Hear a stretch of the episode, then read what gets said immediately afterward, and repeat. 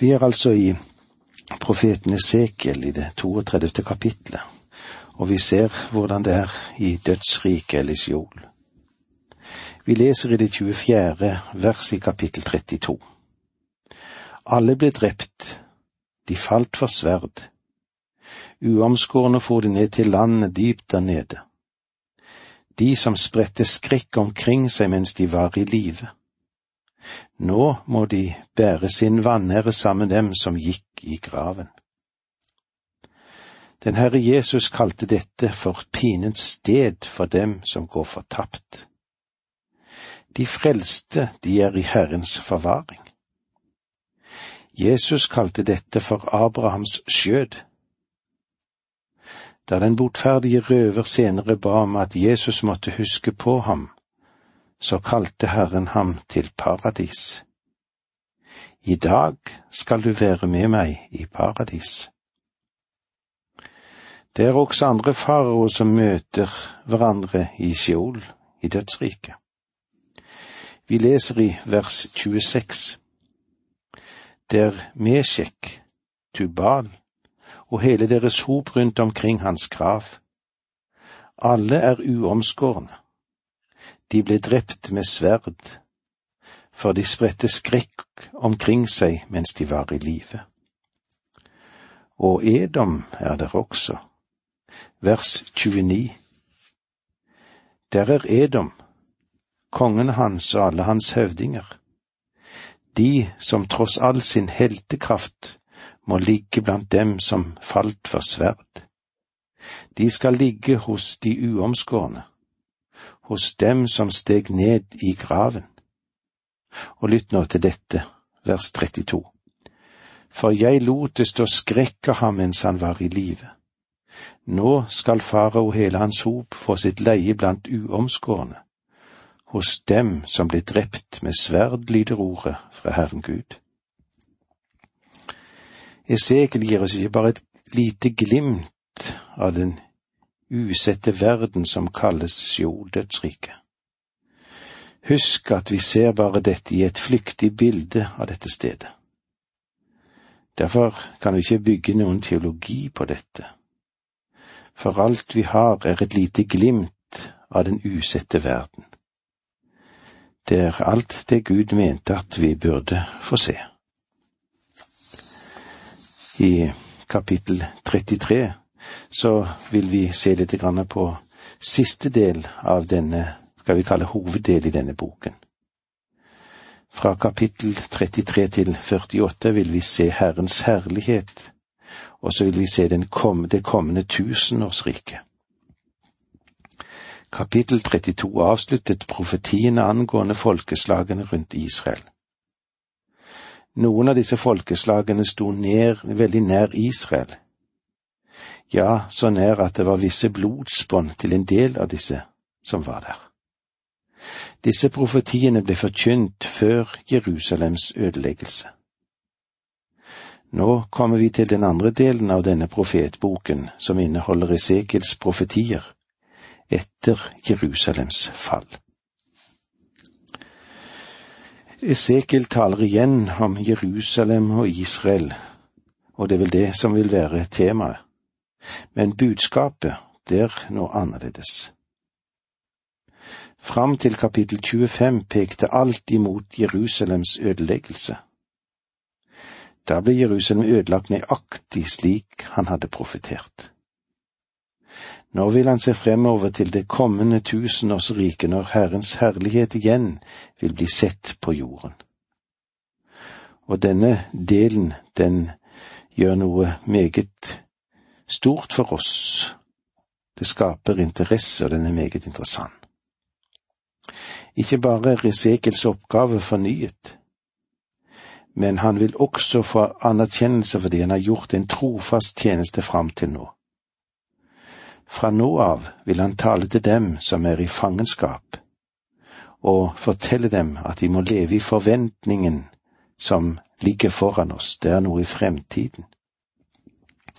Tidligere hadde disse fangene ikke noe håp på grunn av sin synd, men i fremtiden ser Esekiel håp for Israels barn. I dag har de troende også et håp. Det er ikke forankret i noe som et menneske har gjort her på jorden. Heller er det ikke noen psykoanalytisk fremskritt. Vårt håp i dag ligger ikke i noen filosofi. Det hviler på Guds ord og på hva Han har sagt oss hva fremtiden vil bringe. Dette er selve ledestjernen for Guds ord og i vår tid og det er ikke det samme som Israel som beveger seg mot tusenårsriket. Vi beveger oss faktisk mot det nye Jerusalem. Det er det som ligger foran oss som kristne. Idet vi går inn i det første verset i kapittel 33, kan vi sette som hovedoverskrift Profeten fornyer oppgaver. Herrens ord kom til meg, og det lød så, står det i vers 1. Denne setningen, det er et fast signal i Esekiel-boken, som introduserer et budskap for Herren. Han vil at vi alltid skal huske at han ikke formidler teorier eller ideer, men trofast står for det ord han vil skal nå hans eget folk. Versene to og tre. Menneske, tal til dine landsmenn og si, når jeg sender sverd mot et land, vil folket der velge ut en av sine egne og gjøre ham til sin vaktmann. Når som han ser sverdet komme mot landet, blåser han i horn og advare folket.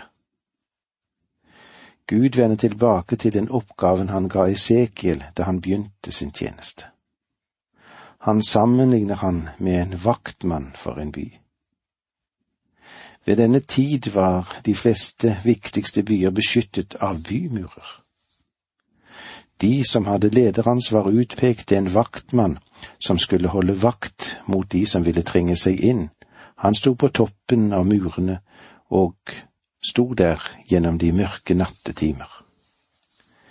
Jeg kan bare forestille meg at under natten ville han regelmessig rope ut alt vel når ingen fiende nærmet seg i mørket. Det er interessant at når de falske profetene hele tiden sa alt vel når fienden kom. De var for blinde til å kunne skille venn fra fiende.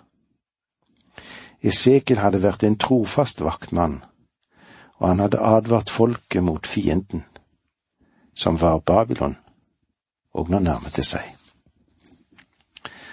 Vers seks Nå kan det hende at vaktmannen ser sverdet komme, men ikke blåser i hornet, og ikke advarer folket. Når sverdet kommer og river en av dem bort, da skjer det fordi han har syndet. Men vaktmannen vil jeg kreve til ansvar for hans død. Nå vil folket bli dømt for sin synd. Men vaktmannen vil bli holdt ansvarlig om han ikke har advart dem. Esekiel hadde advart dem. De falske profetene hadde ikke gjort det. Esekiel, han hadde gjort en god jobb. Vers syv. Du menneske, jeg har satt deg til vaktmann for Israels ett når du hører et ord fra min munn, skal du gi dem en advarsel fra meg. Esekiel, han hadde fulgt sin oppgave. Vers åtte. Hvis jeg sier til en ugudelig mann, du skal sannelig dø, og du ikke advarer ham mot det livet han fører, da skal han dø fordi han har syndet. Men deg vil jeg kreve til ansvar for hans død. Vaktmannens ansvar er å advare de onde, at de vil bli dømt. Esekiel var trofast når det gjaldt å advare folket, selv om de ikke ville høre på ham. Å la advarselen lyde var eneste måten vaktmannen kunne fri seg selv på. Hvordan er det med oss? Hvordan lyder advarselen fra oss? Tenk igjennom dette. Takk for nå, må Gud være med deg. Dette undervisningsprogrammet består av to deler. Åge Nevland fortsetter nå med andre del av dagens undervisning. Vi er inne i profeten Esekiel, og vi er kommet til den siste hoveddel når vi skal se fremover. Esekiel hadde fulgt sin oppgave. Nå er det spørsmål hvordan vi fyller vår oppgave. I vers 8 i kapittel 33 leser vi. Hvis jeg sier til en ugudelig mann, du skal sannelig dø, og du ikke advarer ham mot det livet han fører, da skal han dø fordi han har syndet. Men deg vil jeg kreve til ansvar for hans død. Vi som er forkynner i dag og underviser i Guds ord, har i første rekke ikke kravet over oss til å se resultater. Det finnes dem som sier la oss få tak i en evangelist som kan skape resultater. Hvem av oss som er forkynnere, er det ikke som gleder seg over at mennesket kommer til Gud og overgir seg til den Herre Jesus Kristus? Men vårt primæransvar, det ligger ikke der. Nå håper jeg du forstår meg rett. Jeg ser på folk som går ut etter at velsignelsen har lydd, og undrer meg, er de blitt advart? Har de fått et rett syn på hvor viktig frelsen er? Det er det som er vår hovedoppgave. Har vi ikke forkynt et klart budskap, så blir vi holdt ansvarlige. Vi vil måtte stå til ansvar overfor Gud. Vi står til ansvar for om vi har sviktet vår plikt. Vers 11. Du skal si til dem, så sant jeg lever, sier Herren. Jeg vil ikke at den ugudelige skal dø, men at han skal vende om fra sin onde ferd og leve. Vend om, vend om fra det onde livet dere fører. Hvorfor vil dere dø, israelitter? Det er helt åpenbart fra dette verset at Gud ikke ønsker å dømme. Jesaja sa at dom var han, hans fremmede gjerning. Gud ønsker å frelse hvert menneske og han tigger dem om å vende om og ta imot livet. Vers 17 Nå vil vel dine landsmenn si, Herren går frem på rett vis, men det er deres egen atferd som ikke er rett. Israel hadde ennå en klage å fremføre. De sa at Gud ikke var rettferdig i sin dom. Han dømte alle likt og likevel var det noen gode mennesker blant de som var tatt til fange. Vers 18 Når den rettferdige oppgir sin rettferd og gjør urett, da skal han dø. Dette verset taler ikke om at noen som mister sin frelse.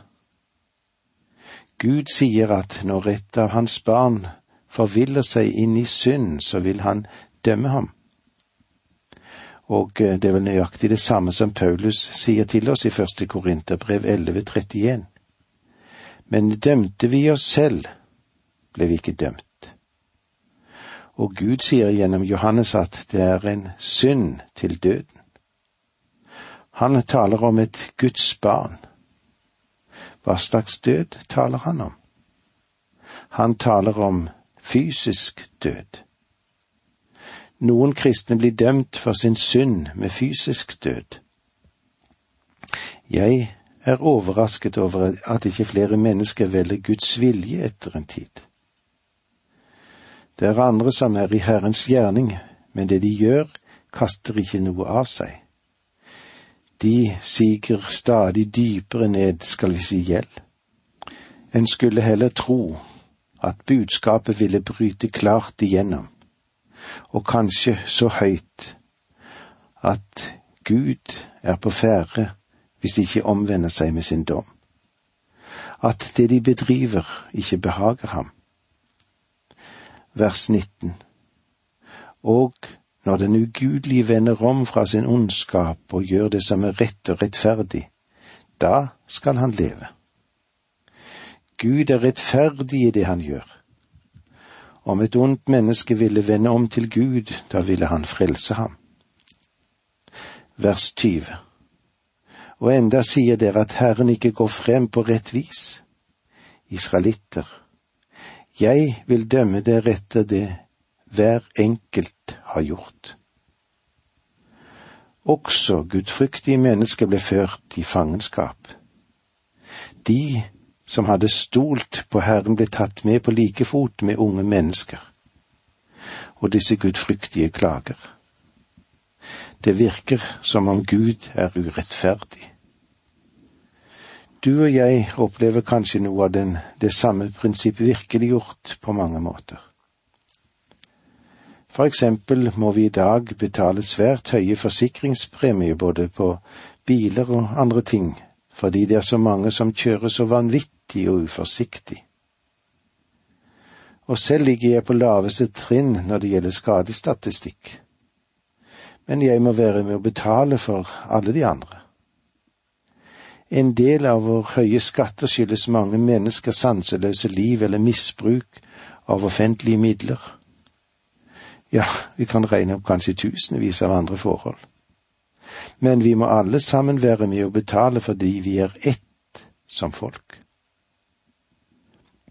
Og de gode menneskene i Israel led fordi de ble identifisert med nasjonen som helhet.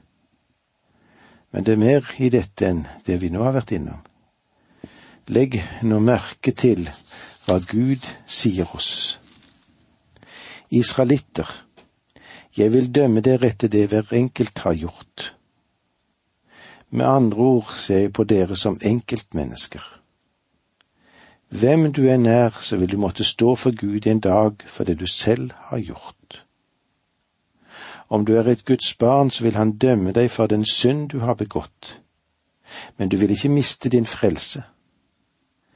Men er du et menneske som lever i den fortaptes verden, så har du ingen krav på Gud i det hele tatt. Det har han gjort helt klart for oss i Det nye testamentet. I første Peter 3,12 så står det slik:" For Herrens øyne følger de rettferdige, og han vender røret til deres bønn. Men Herren vender seg mot dem som gjør det onde. Dette sier egentlig at Herren ikke kjenner seg forpliktet til å høre de ondes bønner. Selvfølgelig blir det et menneske som roper om frelse. Den vil Gud høre. Og han vil svare. Men poenget mitt er her at den ufrelste har ingen krav på Gud. Når du hører en ufrelst person si, Hvorfor lar Gud dette hende meg? Da vet du at han har ingen krav på Guds barmhjertighet. Gud er rettferdig når han dømmer en tapt verden, og nå da glemmer vi at dette er faktisk hans verden. Vers 21. Da vil vi gå inn og se hvordan det er når byen er ødelagt. I det tolvte året etter at vi ble bortført, på den femte dagen den tiende måneden, kom en flyktning fra Jerusalem til meg og sa, Byen er tatt. Esekiel hadde allerede sagt at Jerusalem var ødelagt. Gud hadde sagt det til ham. Men frem til nå hadde de ikke fått informasjon om hva som hadde hendt. Da nyheten om ødeleggelsen av Jerusalem kom folket for øre, ble de som lammet. De var overveldet av nyhetene. De trodde ikke at noe slikt kunne skje. Samme dag som denne nyheten kom til fangene i Babylon, døde Esekels hustru, og Gud sa faktisk til ham, Sørg ikke over din hustru. Jeg vil at disse menneskene skal vite at jeg har vraket deres by. De tror at jeg trenger Jerusalem. De tror at jeg ikke vil ødelegge den. De tror ikke at jeg vil dømme synd, men det vil jeg. Derfor gråt ikke over hus, din hustru. La folket få vite at nå er byen ødelagt på grunn av deres synd. Byen har falt. Vers 22 Kvelden før flyktningen kom, var Herrens hånd kommet over meg og før han kom til meg om morgenen, åpnet Herren min munn. Da den ble åpnet, var jeg ikke stum lenger. Du husker at ved slutten av kapittel 24 forkynte Gud for Esekiel at den blodige byen Jerusalem skulle bli ødelagt. Fra det øyeblikk og videre har Herren ikke gitt ham noen nye profetier angående Jerusalem. I stedet fikk han nye budskap som gikk, angikk folkeslagene rundt omkring Israel. Og vi vil komme nærmere inn på disse profetiene når vi møtes igjen neste gang. Takk for nå, må Gud være med deg.